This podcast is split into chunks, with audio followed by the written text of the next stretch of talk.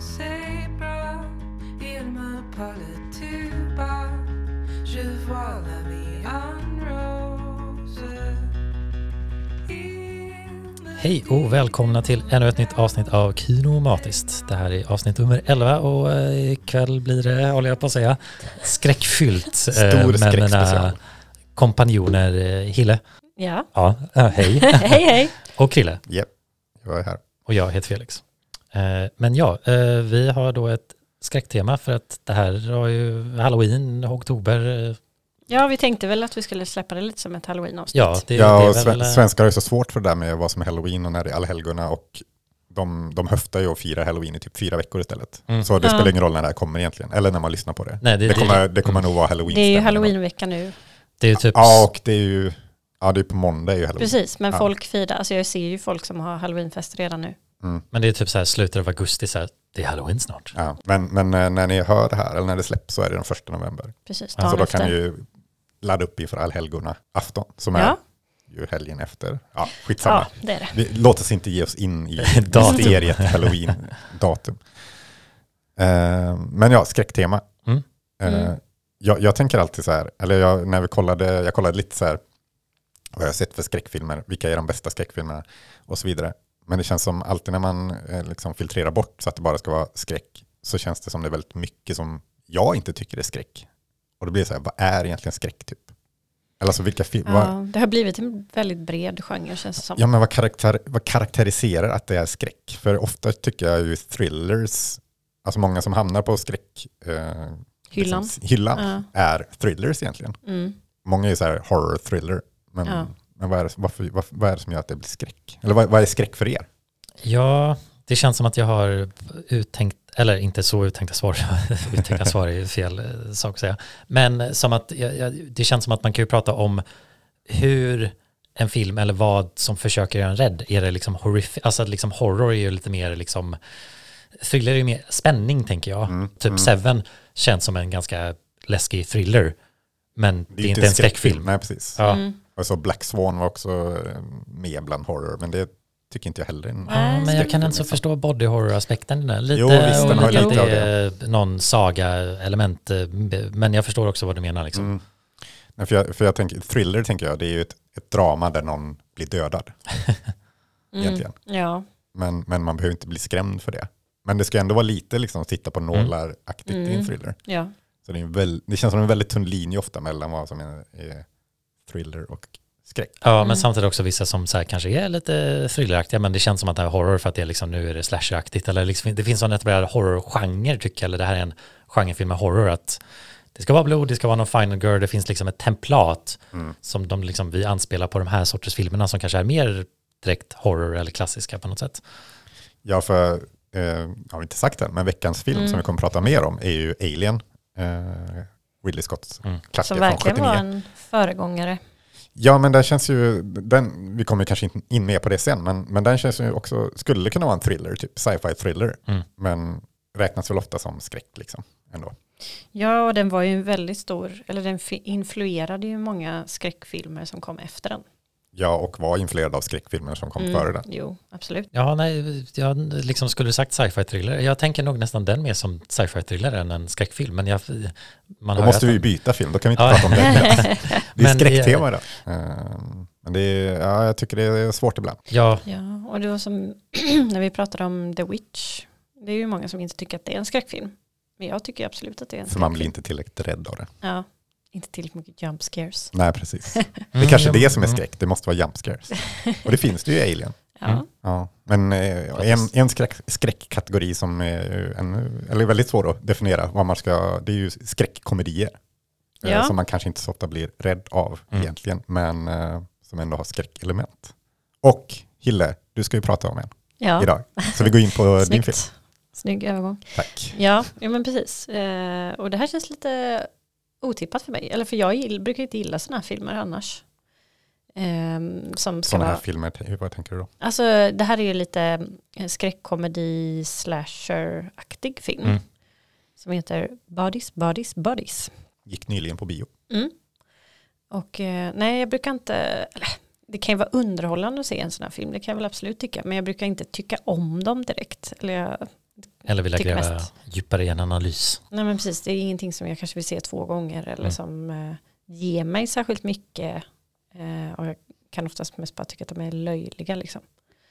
Ehm, men den här, eh, spoiler, eller jag börjar med att säga att jag gillar den.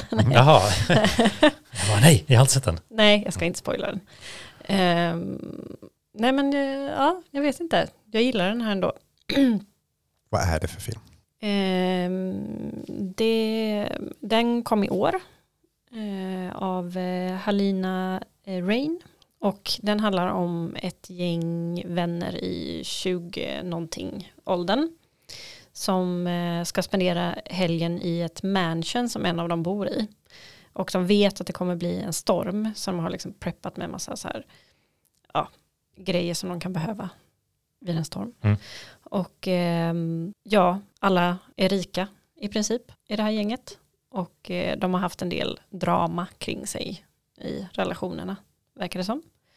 Och ehm, eh, ja, man får följa en av de här som tar med sig eh, sin, eh, en tjej som eh, hon dejtar till det här mansionet då.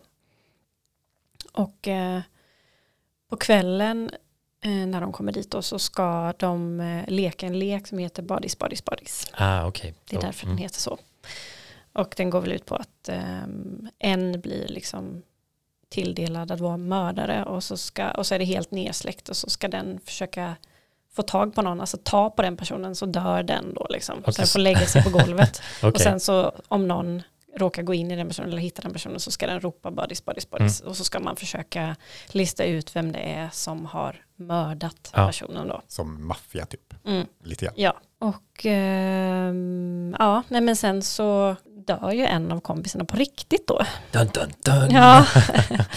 så filmen går i princip ut på att de ska lista ut vem som Ah, okej. har mördat. Ehm, Men är, det- är det lite kammardrama eller liksom det, det låter Agatha Christie-aktigt liksom. Det skulle kunna vara ett Mm. mordet Ja. i midsommaravsnitt ifall det var lite trendigare. Det jo, var väl väldigt många som skrev det på Letterboxd att det här är så här Agatha Christie för liksom, TikTok-generationen. Typ. Mm. ja. För de är, de är typ influencers eller något sånt. Eller, för det De, var, ja, de är ju rika allihopa förutom den här tjejen som hon tar med sig då. Ja. Dit, som inte känner de andra.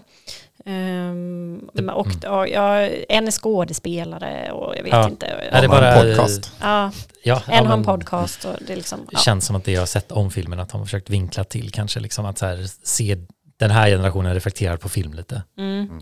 Ja, och, och sånt kan jag egentligen tycka är väldigt cringeigt. Eller Mm. jag hatar Mm. att se liksom så här samtids... eh, Svårt att göra rätt.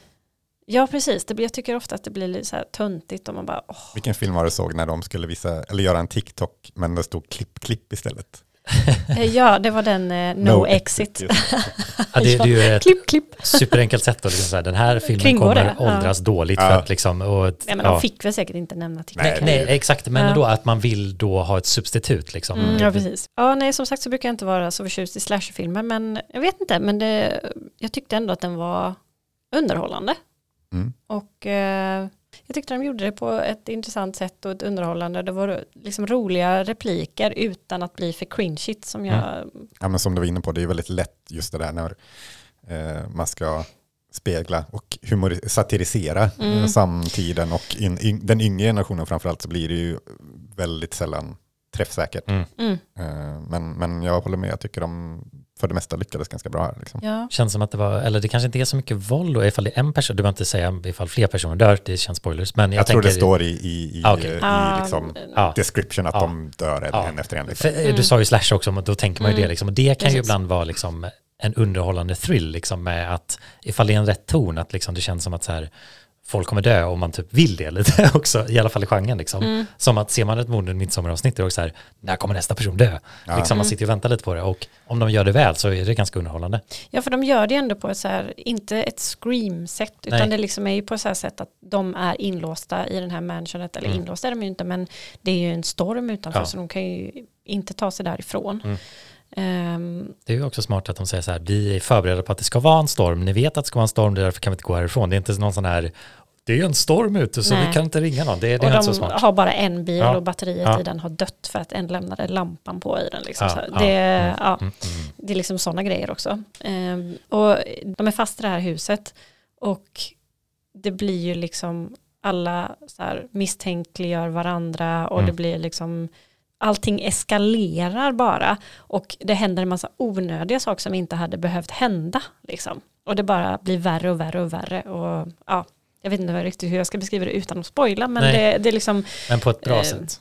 Eller att de, de, gör, förgör, de, de, de gör liksom det bra. förgör varandra genom Ja. att eh, misstänka varandra Mm. och liksom börja eh, vräka ur sig all skit som de kanske har haft liksom issues med varandra Mm. under åren och sådär.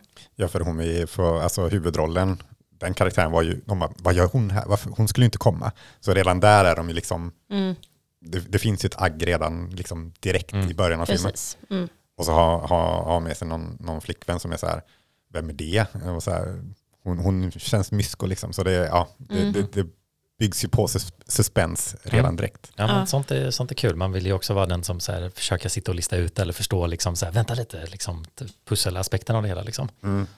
Men, men också som du sa, eller det, det känns ju som många av karaktärerna är ju ganska så här sviniga och dryga. Ja, Eh, de inte, är inte minst, så likable liksom. eh, inte minst Pete Davidsons Ja, karaktär. Ja, Som ju, Mm. det, alltså dels så har man ju svårt för honom Ja. som människa. Ja. eller jag vet inte. Ja. Jag, jag, jag kan inte jättemycket om Nej, honom, jag men har man, får bara en dålig vibb av honom. ja. Ja.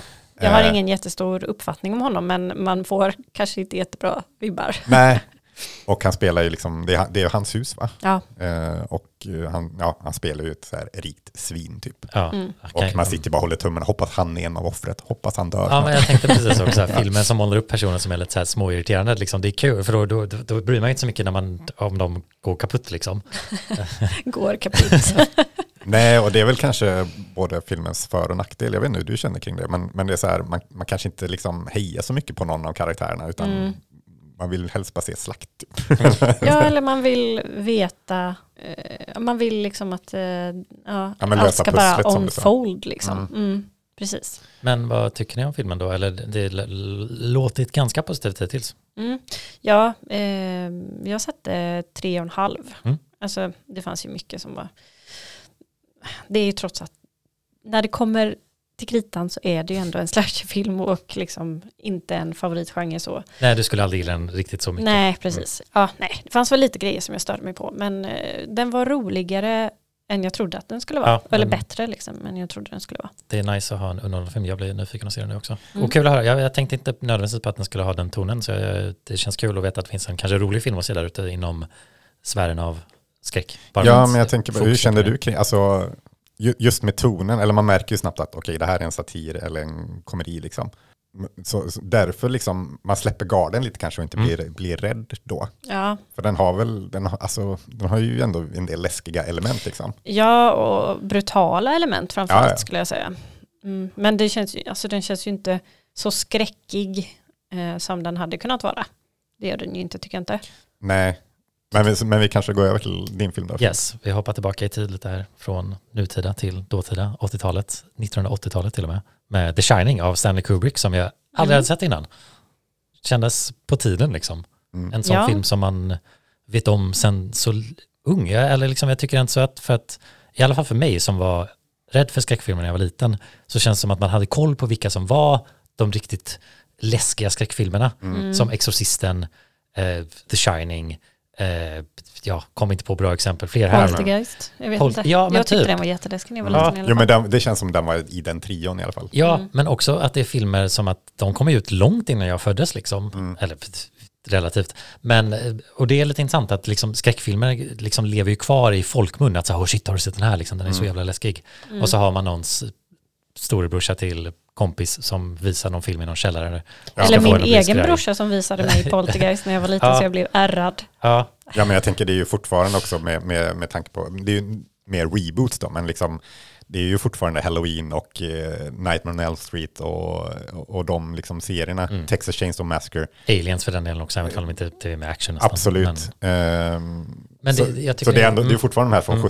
70-80-talet som fortfarande liksom Ja. är de man pratar om nu. typ. Men det är rätt så kul att de lever kvar just, eller en sak som är kul med skräckfilmer är ju lite att det är liksom så här, har du sett den här? Liksom Blair Mm. Witch Project till exempel också Mm. byggde ju Ja, den verkligen den en film mystiken. Mm, ja, verkligen. Ja. Herregud. Det är kul en som är skräck, liksom, att det blir lite den utmaningen och att man också då som ung, det är då man kanske mest eh, går på den sortens eh, skräckinjagande, att så här, du vågar inte se den här saken.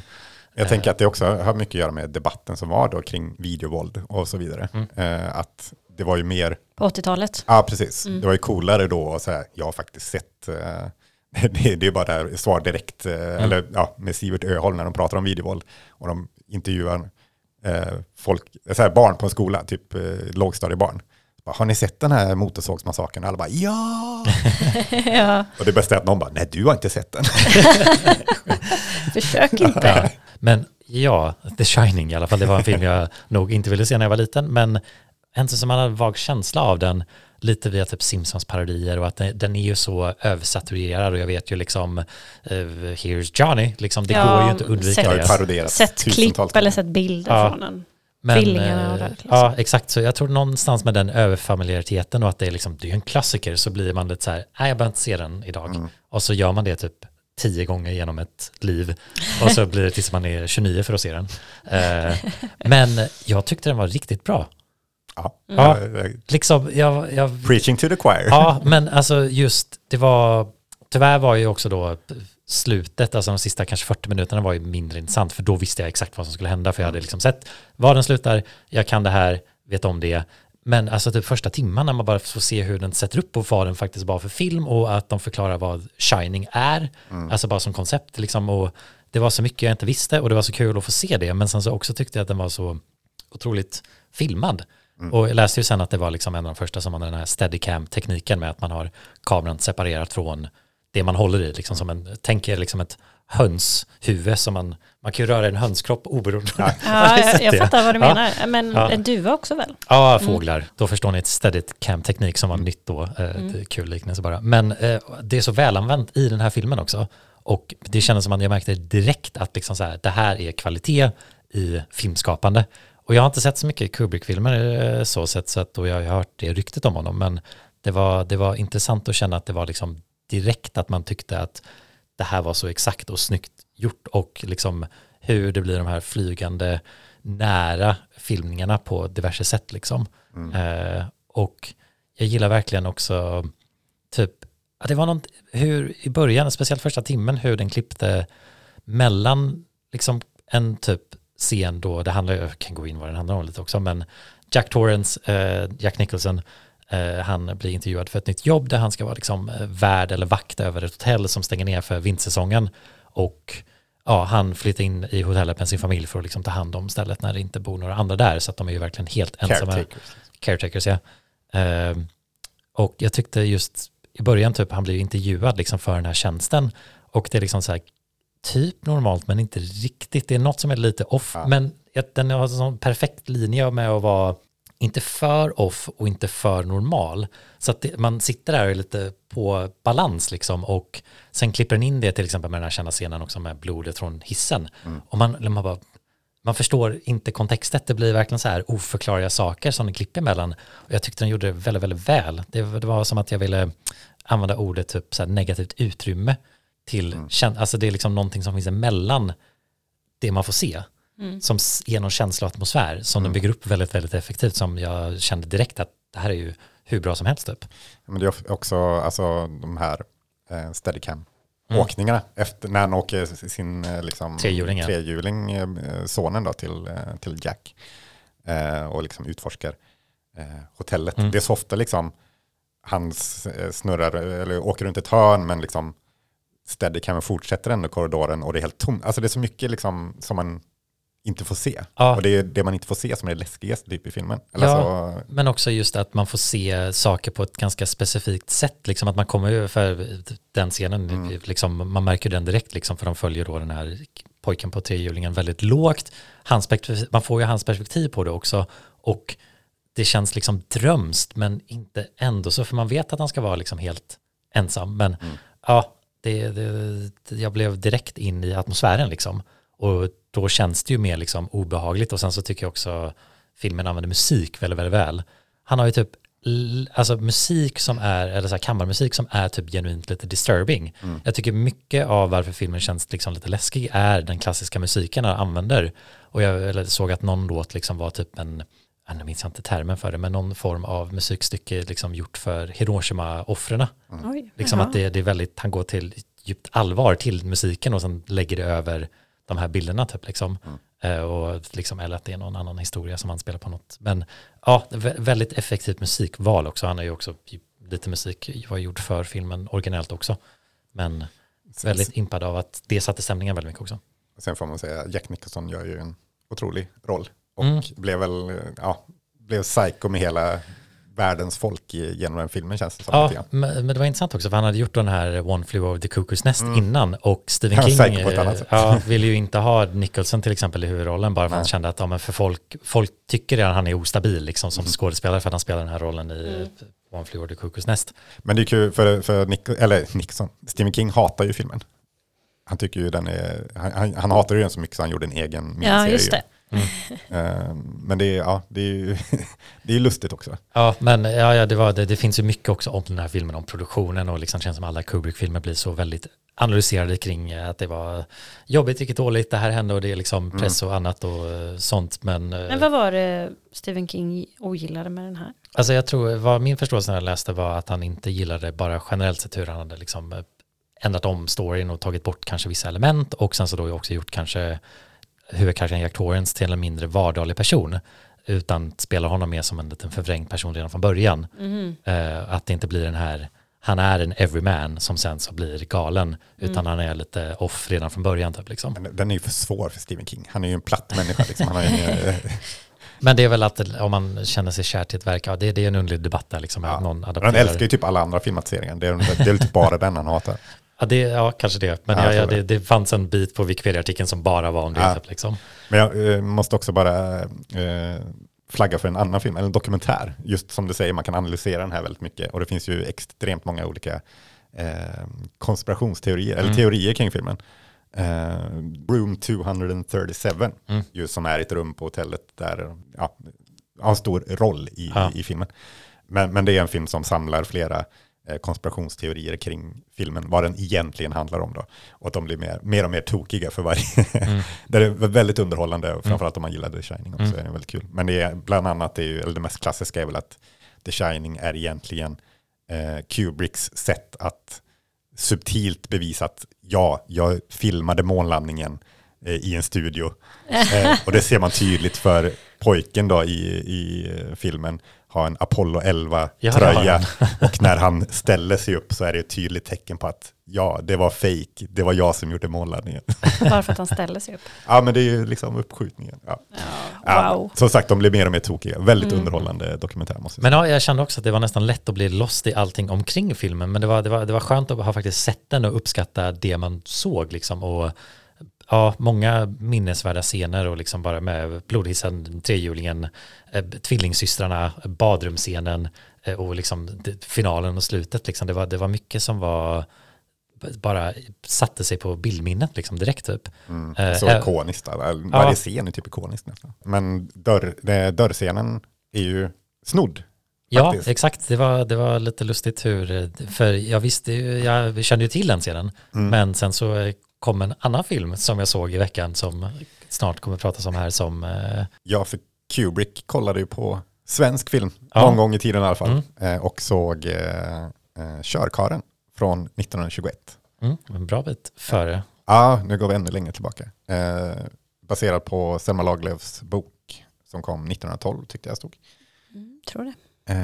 Och Viktor Sjöström gjorde ju den här då. Och den är ju lite på tapeten nu för att den blev utsedd av eh, tidningen FLM. Eh, deras eh, lista, eller deras, eh, vad ska man säga, Omröstning. omröstning. Ja, de hade väl haft en typ 2010? Ja, precis. Eh, om vilken som är den bästa svenska filmen genom alla tider. Ja, utifrån vad var det, typ 72 svenska kritiker eller något Precis, kritik, kritiker, eh, filmkännare, regissörer kanske också. Jag Mm. vet inte. Men blandat filmfolk. Mm. Eh, och de kom fram till att just Körkaren av Viktor Sjöström är tidernas bästa svenska film. Var den det i förra omröstningen? Det, Kom inte ihåg. det lät som att den var omtyckt sen innan i alla fall. Ja, jo, Eller, alltså det- har ju funnits i över hundra år. Precis. Eh, jo, nu. men den har väl länge ansetts eh, som, ja, som väldigt bra. Mm. Och eh, inflytelserik, eh, som sagt, eh, inte minst då Kubrick som Ja, snor den här det var- scenen. Häftigt att se, Mm. för jag hade ingen aning om det innan, för jag såg också den nu i veckan och Mm. det, var, det var så passande att jag hade sett Shining och sen den här. Eh, men, men jag kan väl ta lite då om, om själva eh, filmen.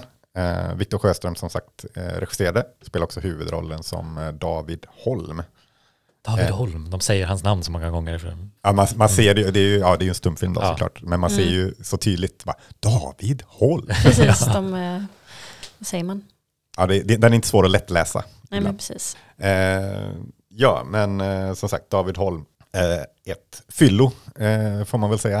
Han- Ja. ett, ett svin. ja, Som, eh, eller det börjar egentligen med en eh, sjuksyster, eller en, en kvinna på Frälsningsarmén som eh, håller på att dö och ropar efter David Holm. Han, Ja. Hon vill träffa honom eh, innan hon eh, stämplar ut så att säga. och, och David Holm då, han sitter och super med sina polare på en kyrkogård. Det är nyårsafton. Det är nyårsafton. Eh, och eh, de kommer och bara så här, ja du kom hit, du måste till Edith. Han bara, nej, jag har aldrig i livet, typ. jag skiter väl i henne. Eh, men sen berättar han för sina kompisar att på nyårsafton, eh, den, den, den sista som dör på nyårsafton innan tolvslaget, eh, han blir hämtad av körkaren då, som hämtar de döda under året och får ta över hans eh, Mm. arbete. ja, en form av liksom, lieman Ja. eller den här, jag vet inte vad personen heter på floden, Styx, han som eh, färdar. Karon eh, är det. Ja, snyggt. Men ja, det är ju, det är ju en typisk liman då. Eh, för David Holm dör ju till slut och då kommer ju den här eh, limannen som de har, eh, körkaren då, som de Mm. har snackat om. Eh, som också visar sig vara en, han berättar om en, en som han kände som dog året innan. Mm. Eh, och det är han då som kommer och ska hämta honom. Som var den som berättade för honom. också. Precis, han Mm. berättade den här eh, sägnen till honom. Mm. Eh, och nu eh, slår den in då, för han dör precis på tolvslaget, David Holm.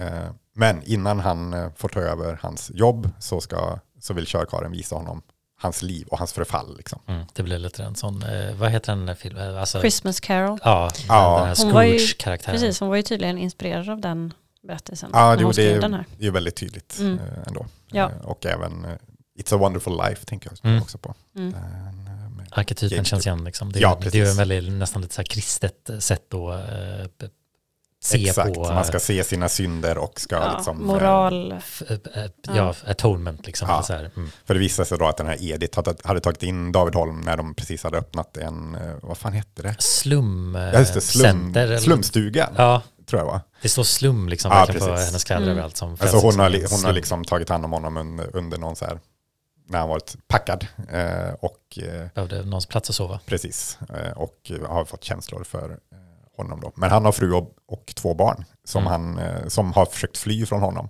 De har åkt till en annan stad och han kommer efter. Eh, hur som helst. Det, det Ja, är väl, det, det, är ganska många detaljer. Det är en så Ja, det ganska häftig liksom. Ja, det är en också- invecklad berättelse. Ja. Är det ju verkligen. Och jag var lite så här, vänta, vad händer nu? Man var lite lost för liksom, man får ju inte mer än vad filmen ger i liksom, textblocken. cards, Liksom. Så det, det, ja, man, man Men jag tycker ju att den förklarar saker efterhand. För jag Ja. fattade först inte till exempel ehm, när hon, den, e- den andra sjuksköterskan, eller man ska säga, ehm, ja, hon skulle leta efter David Holm då. Och då hämtade hon med sig en kvinna istället till henne. Och jag bara, Ja. vem är den här kvinnan som hon hämtade nu? Fattar Mm. ingenting. Men sen så efter ett tag så förstår man att Mm. det är frun till David Ja. Holm då. Precis. Men jag, jag tänkte bara på poängen att den känns liksom lite före sin tid i berättarteknik och att den är Ja. lite komplex. Liksom. Ja, ja, för, jag gillar, för det är ju mycket berättas ju i en flashback då när, han vis, när, när körkaren visar hans liv då. Mm. Men det är också flashbacks i flashbacksen Mm. typ. Eh, som Ja. jag tyckte var intressant. Just det. Men, men ja, det, en, jag tyckte den var, eller jag, jag hade sett den tidigare men jag såg om den nu inför, inför det här avsnittet. Men jag, jag tycker den är, är väldigt bra. Man, man ser ju hur, att den är väldigt inflytelserik. Liksom. Den är väldigt före sin tid Mm. på många sätt. Eh, och eh, ja, men, det, det är väldigt effektfullt när, här, när han yxar sönder dörren också. Jag, man, ja, man förstår ändå att Kubrick eh, ville ha med det. Mm. För det, det är en bra scen. Liksom. Mm.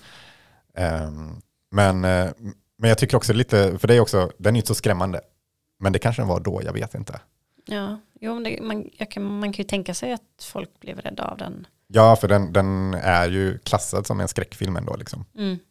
Men det är väl mycket att den har mycket om död och övernaturliga inslag. Mm. Ja, och Eh. kanske liksom faktiskt då i ett tidigt exempel visar hur ett spöke skulle kunna röra sig genom dörrar. Alltså bara Mm. visar Ja, icke-kroppslighet.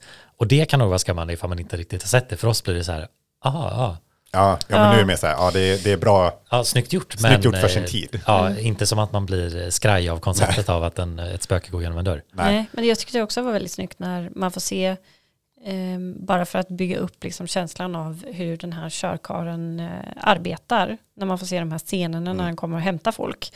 De kör, Flashbacken i flashbacken. precis, Mm. kör ut på sjön och går ner till, hav, eller till Just det, botten, ja, eller mm. havet, Ja, eller det det. och går ner och hämtar någon som ligger på botten där Mm. i vattnet. Mm. Fast kroppen ligger kvar då, men han bär Precis, upp. Liksom. men bär upp själen Mm. liksom. Mm. Och det var väldigt snyggt gjort tycker jag. Ja, verkligen. Eh, alltså, jag, först, eh, om vi ska, jag tänkte att vi skulle komma in lite på den här listan då, eh, med bästa filmerna eh, genom tiderna. Eh, alltså svenska Aha, filmer, ja, ja. som den ju var etta. Ja, jag, jag har inte, jag behöver köpa numret, jag har inte sett listan. Nej, eh, alltså jag kan ju snabbt om, Mm. jag kan dra topp 10 i alla fall. Ja, men det är gärna. Eh, i, Kul. För den här var etta då. Eh, tvåa, En kärlekshistoria av Roy Andersson. Eh, trea, Persona av Ingmar Bergman. Eh, Kvarteret Korpen, Bo Widerberg och fyra. Fucking Åmål femma. Eh, Flickorna och Flicka och hyacinter eh, delad sexa. Mm, det är kul några vi har pratat om redan. Ja. Mm. Här har du ditt liv, Jan Troell 8, Fanny Alexander 9, Smultronstället och Mannen på taket delad 10. Eh, en gedigen lista ändå. Jag tycker den är bra liksom. Ja, jag, jag känner typ till alla, men jag har inte sett alla. Men det är mycket också Nej, via den här filmtidningen som jag läst om typ Bo Widerbergs filmer och grejer. Liksom. Men jag tycker det är intressant, eller alltså jag, jag kan köpa att körkarlen etta, men jag tänker att eh, hade inte Bergman gjort så många bra filmer så hade ju han varit etta. För det, jag tänker att han, hans, rösterna på hans filmer sprids ut ganska mycket. ja, Man har jo. olika Eh, favoriter. Ja, Mm. Jag tänker, ja, Victor Sjöström gjorde också många filmer, men det är väl kanske den här som är mest ikoniska och eh, som de flesta har sett. Liksom. Ehm, så det, det, ja, jag förstår att den blev etta ändå. Mm. Men jag tyckte det var lite kul i samband med den här, för jag såg den här bedrövliga internetmagasinet Moviesign hade ju någon ja, artikel om det här. Mm. Eh, och kommentatorsfältet till den var ju, Åh nej. var ju spännande. För det, Moviesign, jag, jag, jag tänk, känner att det är en filmsida gjord av snubbar för snubbar. Ja, typ. det känner Men är jag den också. svensk? Ja, det är det. Men, men eh, jag tyckte det var kul, för det var ju antingen var kommentaren så här, ja, där ser man ju, det är alltid jag tyckt att kritiker och jag, vi kommer ju inte överens, bla bla bla. Och någon var så här, var är sällskapsresan? men eh, ja, det, det finns ju bra svensk film i alla fall. Och Ja. eh, den här listan tycker man kan kolla upp. Det är lite som en kanon nästan över svensk film. Ja, men, ja, det är eh, många bra där. What was your special order? You read it. I thought it was clear. What was it? Bring back life form.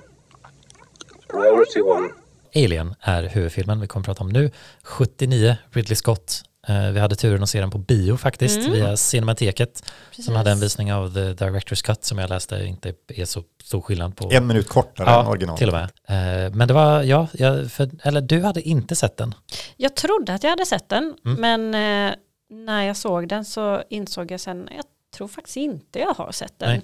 Det är väl bara att jag har sett klipp från den då. Ja, jag är inte, fortfarande inte helt och hållet säker på att jag inte har sett den innan, Nej. men för jag kan verkligen glömma filmer helt och hållet. ja. Sen finns ju Aliens också. Eller liksom Alien har ju funnits som ett djur, ett, djur, ett varelse och en bild ett tag. Liksom. Ja. Det är ju lätt att ha en känsla av att den här har nog sett. Mm. Ska man inte ha? Men du och jag hade sett den innan, men inte på bio. Nej, Nej, men eh, för att bara kort gå igenom vad den handlar om så den, det är ju ganska klassisk liksom setup eller liksom till eh, film men det, det funkar alltid väl tycker jag när det är håll. Det är ganska simpelt liksom. Mm.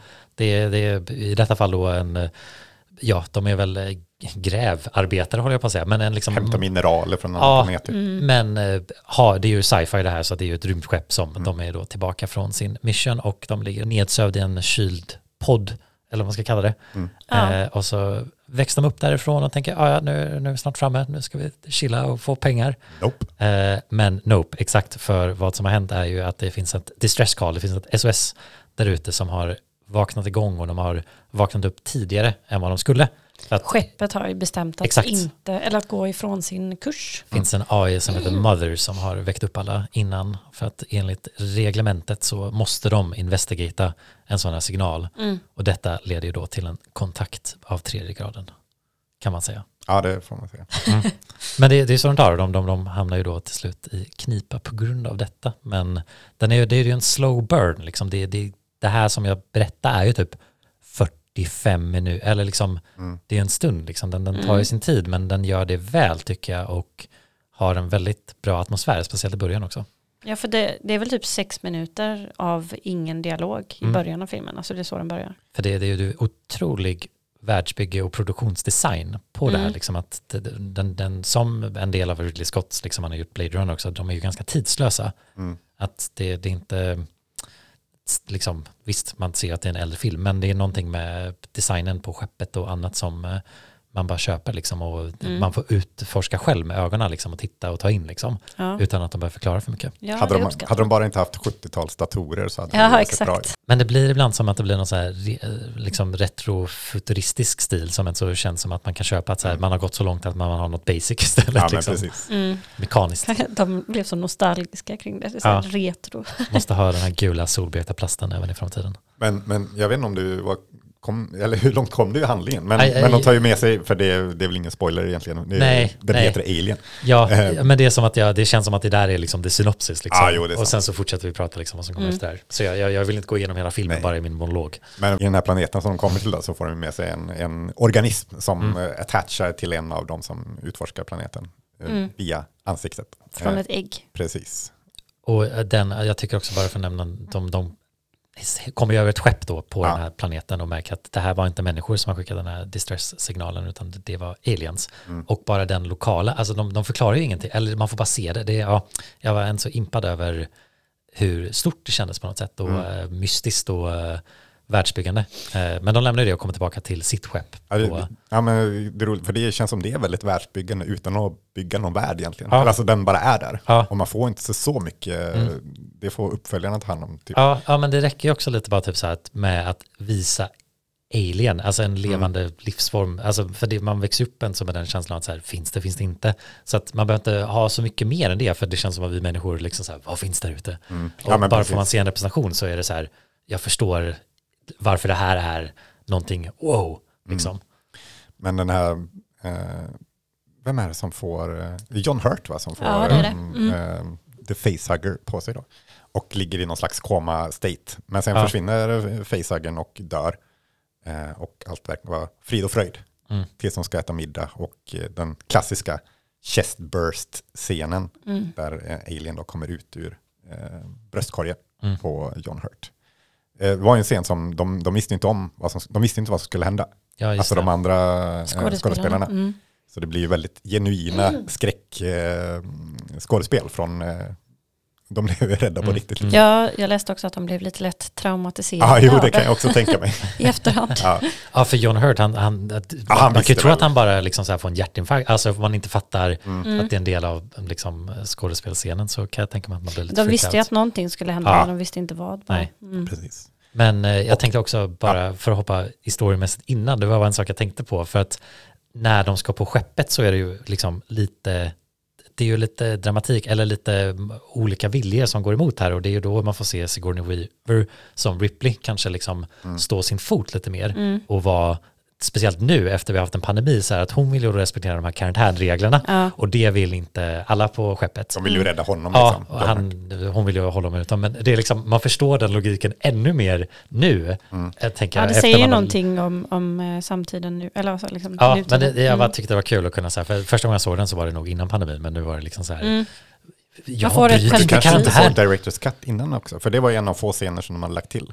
Eh, Just när hon säger att eh, Ja, då, ja, nej, vi Ja. måste gå igenom ja, ja, quarantine-protokollen. ja. Liksom. ja, just det, men det, det minns jag inte. att Jag, det, Nej, who knows, jag jag, kanske inte. men, men det var en av få scener för Ja. att liksom stärka Ripley som karaktär. Mm. Eh, Men jag vill bara lyfta det, jag bara Ja. tyckte det är kul liksom med att man, eh, men verkligen. man, är, man är respekt för karantän. ja, man är ju på hennes sida där. ja. Ja, för man vet ju. Ja. ja. Men eh, ja, den här varelsen som kommer ur John Hurts bröstkorg då, växer sig stor väldigt snabbt och blir Väldigt, väldigt snabbt. väldigt, väldigt snabbt. Och eh, börjar, eh, vad ska man säga, ja, Ja, den, trakassera besättningen. ja nej, men nästan, de vill ju bli... I och med att mörda ja, ja, ja, Eller fånga in dem och ehm, Ja, precis. spara dem till senare. Ja. För, för jag gillar också att den här filmen och Alien, liksom, det känns som att de, respekt, eller de, har, de vill ha varorna som faktiskt är mer som djur. Att de har ett instinkter och ett sätt att vara på. Att liksom den här facehagen är så här, du är en parasit, Mm. implanterar sitt ägg, gör det, sticker där. Det är inte som att de har någon illvilja, Nej, Så det är bara, det är bara en, en liksom... överlevnadstaktik, liksom, Ja, ja. ett sätt att vara. Liksom, och Ja, jag, jag gillar inte på den ett, på, aspekten. ett väldigt, eh, på en väldigt hög nivå också. Ja. För han säger, det är väl någon som säger det i filmen att eh, de har liksom otroliga försvarsmekanismer och grejer liksom som, Mm. Ja, frätande blod och så vidare. ja precis, bara för att Ja, men deras, eh, försäkra så mycket som möjligt att överlevnad. Ja, Mm. deras head scientist liksom så här, it's a perfect killing machine. Mm. Det känns som man säger det i princip liksom, men verkligen Ja, men liksom, de säger eh, det någon gång i Ja, filmen. Ja. Men jag, jag gillar det, kanske också delvis min bakgrund i biologi som bara så här, ja men hur, hur skulle man förklara hur de beter sig utifrån olika aspekter liksom. ja. Mm. Jag kan, jag kan alltså uppskatta att den, och för det känns som att den här alien, den växer väldigt snabbt, men det är också så att den typ vill bosätta sig på miljöer där den passar, liksom verkar trivas. Mm. Och liksom, ja, jag, gillar inte att det, det blir den inte bara, Alltid i rören och lufttrummor Ja. och sånt där liksom. och det är inte bara liksom en uh, ond kraft som ska liksom eh, ta koll på eh, liksom människorna för att den är ond Nej, av en mänsklig standard liksom. det är biologi. Ja, jo, men jag, jag kan, det, det- funkar för den här filmen. Samtidigt rent filmiskt så blir det ju väldigt mycket en, en slasher liksom. Alltså xenomorph som, som de kallas då. Mm. Eh, eh, blir ju en Jason eller alltså som bara liksom, Plockar en efter en. ja men precis. Mm. Så i mångt och mycket så blir det ju en, en slasherfilm nästan fast i sci-fi miljö. Och den har ju väldigt liksom klassiska eh, skräckfilmstropes. Eh, men som den gör i en ny kontext då, och Mm. med en, eh, i, i en ny miljö. Ja, Och det, gör det väldigt bra. Men det, blir, det känns ju aldrig klyschigt ändå, Nej. tycker jag. Nej, det tycker inte jag heller. Ehm, dels att den är ju väldigt tidig med många av de här tropes. Alltså de hade inte satt sig lika mycket som de är satta i, idag. Liksom. Mm. Men också att det, som sagt, det, blir, det är ändå en... Så, värld, värld, eh, världsbyggandet är så starkt som man liksom köper för det är en helt ny värld. Liksom. ja, på något Mm. sätt. och Giger får man väl inte nämna som eh, HR Giger. Den, eh, Designen för... eh, ja, Monstren. förvrängd lite pervert eh, konceptartist som eh, Ridley Scott hade upptäckt och eh, fått in för att göra designen på Alien just. Mm. Och var väl säkert instrumental också för resten av hur de gjorde produktionsdesignen. Men eh, han känns som att Ridley Scott gillar sin atmosfär och lägger mycket tid på det. Liksom. Mm. För det känns som att jag läste lite också om att han inte kanske liksom lagt lika mycket tid till eh, etablera liksom vilka är karaktärerna. Och jag hörde en intervju med Sigourney Weaver där hon sa att Ripley typ är en kvinnlig karaktär för att det var mer oväntat att hon skulle överleva. Eh, och liksom att det, det, det är inte så stor skillnad mellan crewmedlemmarna på något sätt. Liksom, Mm. de, är Mm. inte, de är inte så karikatyrer av någonting. Liksom. De är, Det, är, det är lite kul ändå. Att det är liksom, De har vänt på det. den har blivit en feministisk, eller Ripley är en feministisk ikon. Liksom. Ja, Eh, verkligen.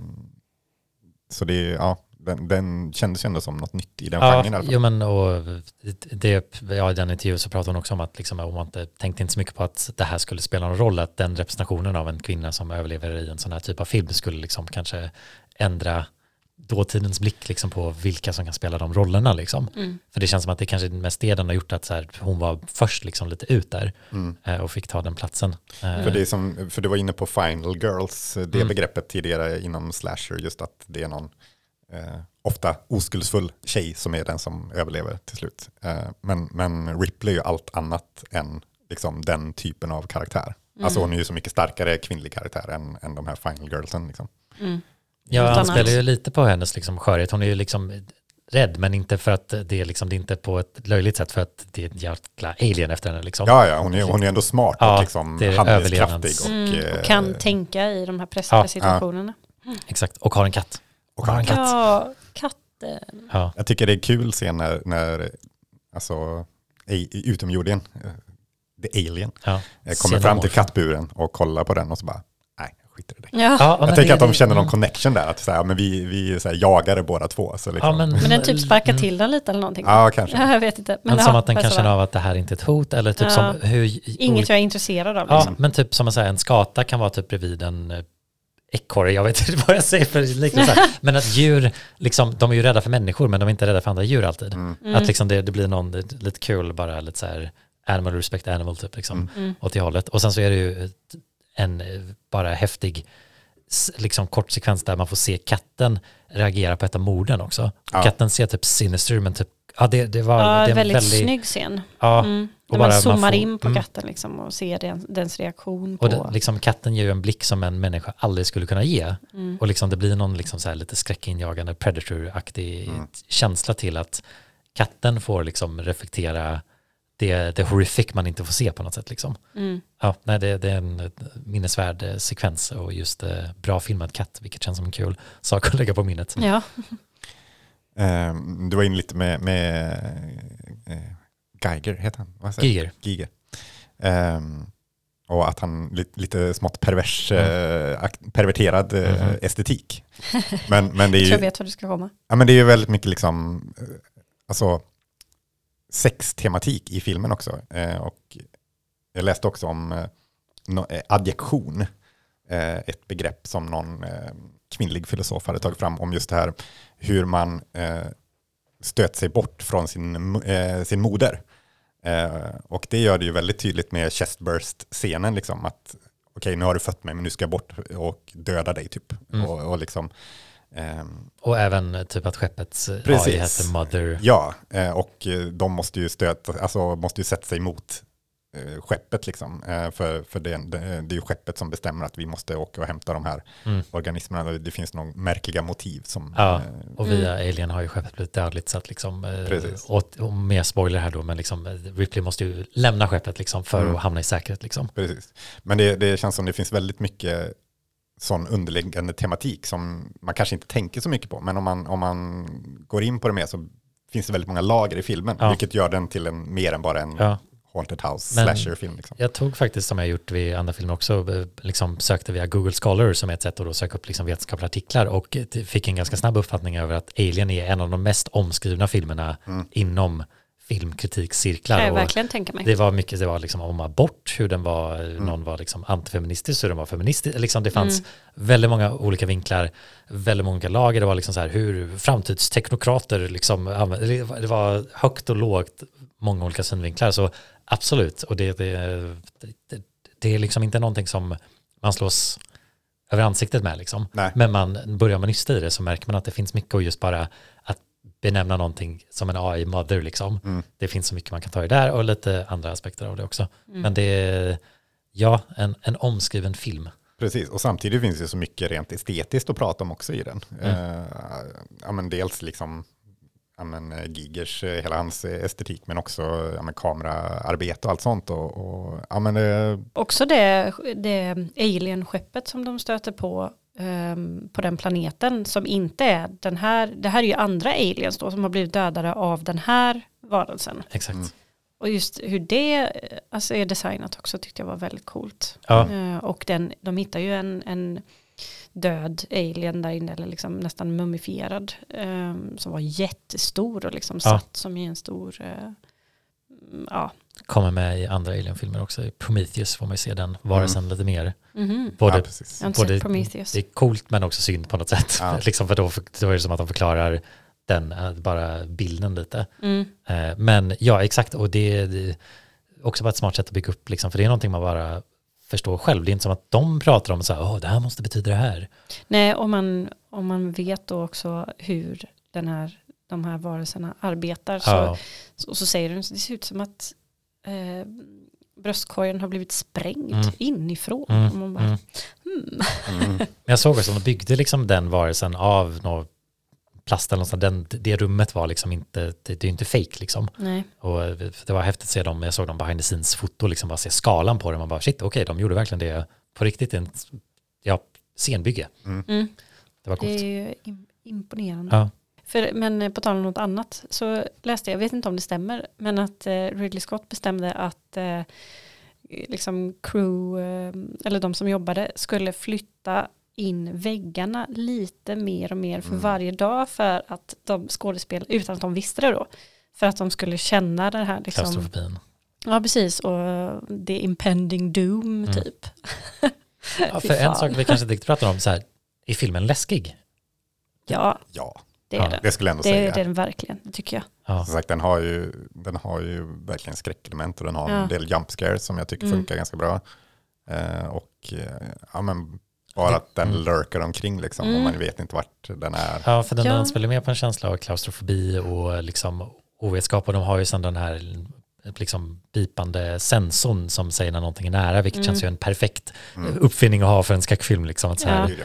Hör det här stressande ljudet som ökar när man närmar sig någonting liksom. Mm. Tycker också att den visar den här um, utomjordingen lagom mycket också vid rätt tillfällen. Alltså, Mm. viss, ibland så får man ju inte se den alls typ, eller bara en hint av den. Så, och, och det fungerar jättebra. Och sen i någon annan scen så får man se väldigt mycket av den, Mm. men inte så länge, eller liksom bara precis rätt Ja. mycket. Och det, det är också jag. en scen där man, alien finns i bild, men man, den är kamouflerad liksom. Ja. Så, så man, det tog, det, jag såg den på sista sekunden, jag bara shit den var där. Liksom, Mm. det, det är lite också Ja, kul att de, de vill gömma den i miljön liksom också. Precis. Det känns Eh. också väldigt passande. Ja, och lite en- som eh, Hajen inspirerat. Ja, och Ja. Hajen och sen Nope då också som liksom alla har lite den läxan av så här Mm. visa inte för mycket när det kommer till sådana här aspekter Mm. liksom. Det, Mm. det är en sån läxa Det är det man gillar. Ja, finsmaken. Men har, ni, har du sett uppföljarna? Jag har nu sett Aliens och jag har inte sett Alien 3 eller Alien Resurrection men jag har sett någon Alien vs Predator och jag har sett Prometheus. Mm, ja, det är väl bara aliens egentligen som håller. Ja. Fast det är också en helt annan film. Ja, jag, jag tyckte den var helt okej. Jag- ja, ja, alltså den, ja, ja. den var lite, lite, lite, det kändes som ett tv-spel typ liksom. Ja, men de säger första är ju en slasher i rymden och tvåan är Vietnamkriget i rymden. Mm. Eh, och ja, det är ju, det är ju väldigt så. Ja, jo, jag, jag såg också bara en sak som är hur de skiljer sig åt att Aliens är tidslös, eller Alien är tidslös, Mm. men Aliens är verkligen 80-talsfilm också Ja, men verkligen. till så mycket. Och Hon, liksom, hon har Reebok-skor på sig som var populärt då och håret och Ja. eh, eller just soldaterna, the marines, de är klädda som de ska in i djungeln i Ja. Vietnam liksom och så här, Mm. Ni är i rymden liksom, typ så här. Ja, Chilla. Men äh, apropå tids, eh, typiska saker, men vad- säger vi om hennes väldigt, väldigt små trosor? i liksom? Ja, det tänkte jag på att det där skulle aldrig hända. Hon Nej. skulle aldrig någonsin, om hon var i rymden, ha så små trosor. men aldrig i jag, livet. det är så awkward för det känns som att det är så här, det här är ju det är, men det är liksom som att, men du har ju inte förstått, du har ju tagit på dig fel liksom storlek, det känns liksom awkward nästan. Men Liksom. jag Ja, tänkte, så ja, här, hade, hade, man så, hade de så, Men- kvinnorna på 70-talet?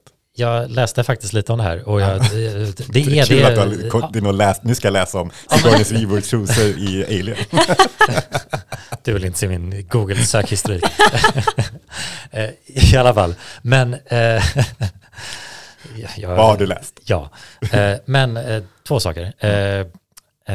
Jag vet att Sigourney Weaver själv tyckte att hon kanske skulle varit helt naken i den scenen. Jag läste att Ridley Scott ville att hon skulle vara naken. Jaha, jag läste att det var hon som sa det i någon Mm. intervju från 81, så att det här var ju liksom länge sedan hon sa det. Jag vet inte vad hon skulle tycka nu. Nej. Men att hon menade typ så här, ja men Alien den är ju helt naken.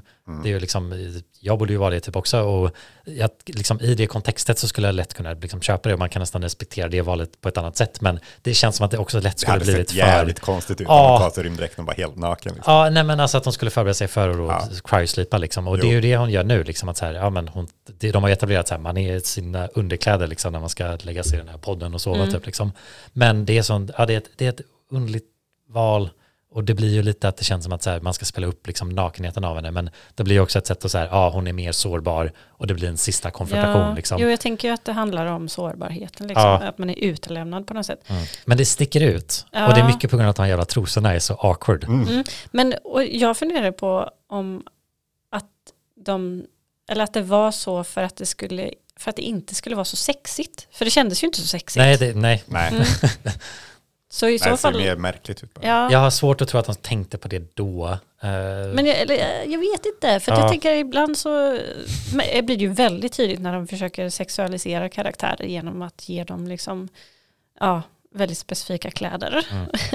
Men här kändes det ju bara som du sa awkward, så det känns som att det känns nästan som att det var ett val, att det liksom inte, för att man bara skulle tänka på hennes utsatthet mer än att man skulle tänka på liksom Ja. vad hon hade för underkläder på sig. Men nu blir det ju väldigt tydligt på något sätt för att det blev Ja. så konstigt. Men ja, det, det känns som att det spelar inte så stor roll, men det är någonting man märker Ja. när man ser det, speciellt första gången. Liksom. Ja. Det, det Mm. sticker ut. Och det, Ja, det är svårt att inte lägga märke till. Ja, Mm. Just för att Det är kanske liksom- därför man inte ser uh, Xenomorphen i rören också. För Ja. man tänker på. Ja, helt klart. Men det blir liksom, hon får liksom en ass crack liksom. Och så här, är väldigt mycket. ja. Ja, det, men ja, min första tanke var absolut aldrig i livet att man skulle ha sådana trosor i rymden. Mm. Man skulle ha haft några Men här- hade man det på 70-talet undrar jag? Jag vet inte. Nej.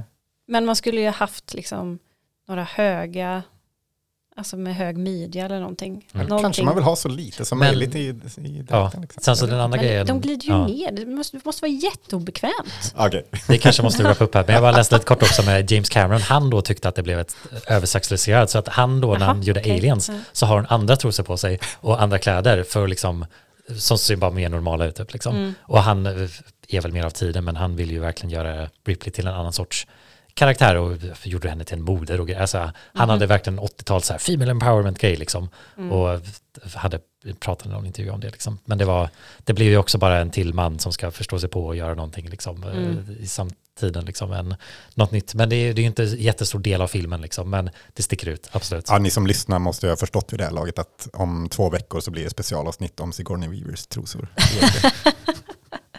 En, en djup analys. ja, tre timmar långt. En är det sista sak. sexualiserande eller är det inte det? Jag tänkte också på bara taglinen till filmen, alltså den lilla blurben. No one. Mm. In space no one can hear you you scream. Så bra. Ja, Klassiskt. den är ju väldigt ikonisk. Ja, det är liksom så här, är Mm. det där det kommer ifrån? För man har ju liksom bara hört det. Ja. Och det blir så parodiserat också så att det var ju som att tänka så här, in space no one can wear trosor. Jag inte. Kommer inte Obviously they något can. In space no one can see your ass crack. Exakt. This is Ripley, last survivor of the Nostromo. Signing off. Då är det som vanligt bara en sak kvar ish, att göra. Och det är att gå igenom min lista. Och vi har pratat Selma Lagerlöf, vi har pratat Stephen King. Eh, och jag tänker därför eh, ge min topp fem eh, filmatiseringar. Eh, och då är det filmer. Aha, Men det är böcker. Jag har läst boken och sett filmen. Mm. Eh, annars finns det kanske bättre filmer som jag inte har läst boken om. Men eh, det är lite baserat på hur bra jag tycker att, ja det är lite olika, mm, de är bra på olika sätt. Men jag kommer eh, in på det när jag går igenom eh, de olika platserna. Men på plats fem så blir det Sagan om ringen faktiskt. Eh, Mm. jag, kanske inte så mycket för att wow, den är så trogen eller den är så välgjord, men, men bara att få ihop det till tre liksom, stabila filmer som har liksom, fångat tonen av Tolkiens böcker, men ändå få en liksom, coherent och bra, hyfsat bra pacad tvåtonen. Mm. Men, men, men också, också att de är så väldigt stort fan av världsbyggandet och har Ja. folk Mm. som är, alltså konceptartisterna som har målat mycket, att det, liksom, det, blir, det är svårt att koppla bort boken och filmen Mm. visuellt längre. Liksom. Ja, nej men den är, den, alltså det, det är bara en, en bedrift att ha fått ihop det så bra som man faktiskt gjorde till eh, de böckerna. Och liksom folk klagar på att det har tagits bort saker, det har ändrat saker och hit och dit. Nej, man kan ju inte ha med allt. Nej, man kan inte det. Och hade det. Hade det varit bättre att ha med en halvtimme med Tom Bombadil i Nej, första det filmen? hade liksom, det hade, inte. och liksom, Folk hade hatat det. Ja, men folk hade ju hatat det ännu mer. Och Mm. så här, ah, varför Saruman bara försvinner? Men, men så här, det är redan 20 slut i, i Konungens återkomst. Vi kan inte slänga in ännu ett slut när de ska slåss mot Saruman i Fylke. Liksom. Nej, Mm. det, jag, väl avvägda ändringar och eh, tagit bort saker. Och en otrolig bedrift ändå Mm. med de filmerna får man säga. Eh, men med plats fyra så blir det I'm thinking of ending things. Eh, Ja, kul, jag har inte läst den boken. Nej, jag, jag såg att Charles Kaufman skulle göra en filmatisering av den, så jag bara oj, då måste jag läsa den innan, för jag ville göra det. Mm. Men ja, jag tycker den också är väldigt spännande, för det, det känns som den, den är helt annorlunda, boken, men ändå så väldigt lika. Mm. Men den, den tar en helt annan riktning, fast ändå, ändå har med liksom alla aspekter. Lite annat slut kanske, men, men jag tycker ja, det, det är intressant. För, jag, för när jag läste boken bara, oj, det här blir spännande att se hur han gör en film av det här. Och så blir det väldigt Kaufmanskt och konstigt liksom. Mm. Men, men ändå ha kvar eh, liksom kärnan i boken. Ja, så, ja, jag tycker, tycker den var väldigt bra och väldigt bra film också. Mm. På tredje plats, Pianolärarinnan. Eh, som Mikael Haneke gjorde film av. Ja, det är El-. Elfriede Jelinek, eh, Nobelprisvinnare, som skrev boken. Ja. Och jag tror jag såg filmen först för jättelänge sedan. Sen läste jag boken och sen såg jag filmen igen. Och det är roligt, eller jag tycker, jag tror jag har en fyra på filmen och en trea på boken. Men någonstans tycker jag ändå att boken är bättre än filmen. så, så det är så här, ja, den är ganska svårläst, den är ganska tung boken. Så det, det var lite så här svårt att ta sig igenom och det var därför den kändes lite, lite tjock liksom. Ja, Och, filmen är ju också...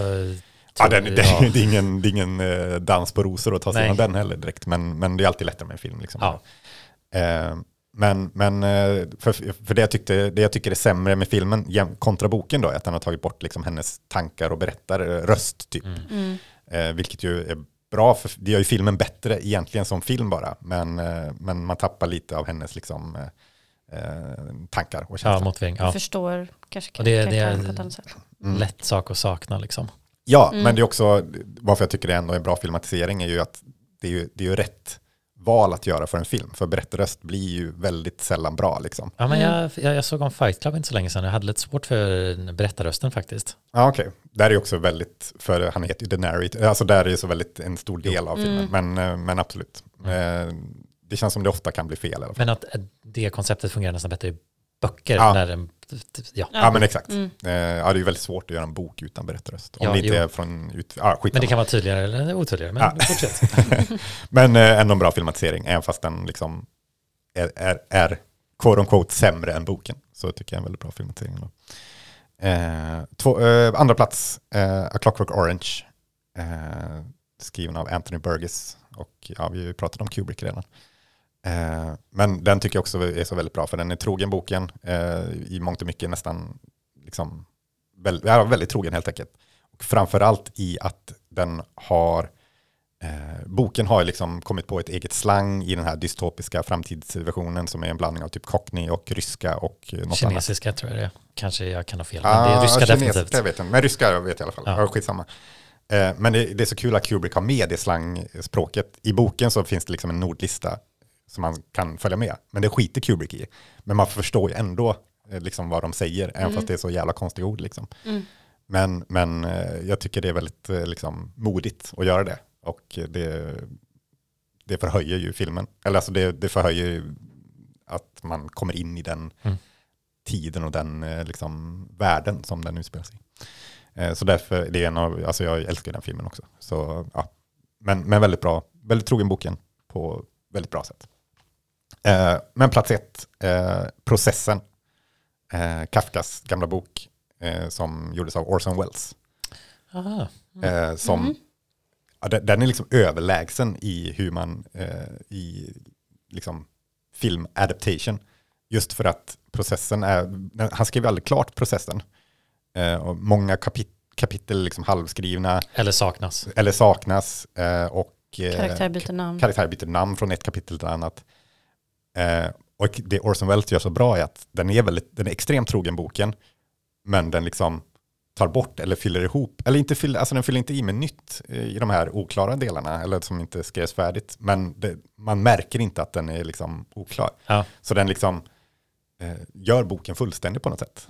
Mm. Och Den måste jag söka upp känner jag. Jag gillar processen. Ja, den, eh, jag tycker processen är lite sådär, mycket på grund av att den inte blev klar. Typ, för den, det känns så här, mm, den tappar lite. Men det är därför jag tycker den är så bra filmatisering. För då, då får man liksom en, en klar processen. Mm. Och Anthony Perkins eh, i huvudrollen, som spelar huvudrollen i Psycho, eh, spelar väldigt bra. eh, Som den här lite naiva eh, som fastnar i Ja. Kafkas byråkrati. Eh, Josef K. Josef K. Men eh, överlägset bästa filmatisering skulle jag säga. Mm. Mm. Spännande. Eh, ja, I förhållande till boken. Då. Mm. Men det var min lista. Eh, och då är det väl bara att avsluta det här Ja. avsnittet. Mm. Säga hej då, tacka för oss och eh, introducera en Nästa. musik och en nästa film. Nästa veckas film. Nästa vecka. Om två veckor. Ja, och nästa avsnitt då kommer vi prata om eh, Elaine May. Mm. Eh, hennes eh, film A New Leaf. Ja. Vi, vi går bort från skräck. Vi tar lite romcom, eller ja, komedi helt enkelt. Ja, det blir lite, fortfarande från eh, 71. ja, rom, rom inom situationstecken. Ja, Fortfarande lite svårt, lite okänt, men eh, borde vara mer känt. ja, Ja, det är väl därför vi vi ska vill- prata om den. Kasta ljus på den helt enkelt. Så säger ni vad är det för någonting så eh, var inte oroliga, ni kommer få veta. Ja. Ja. Ja, den, den är väldigt bra. Men Ja. eh, den får ni höra mer om om två veckor. Yes. Men eh, nu avslutar vi för idag. Mm.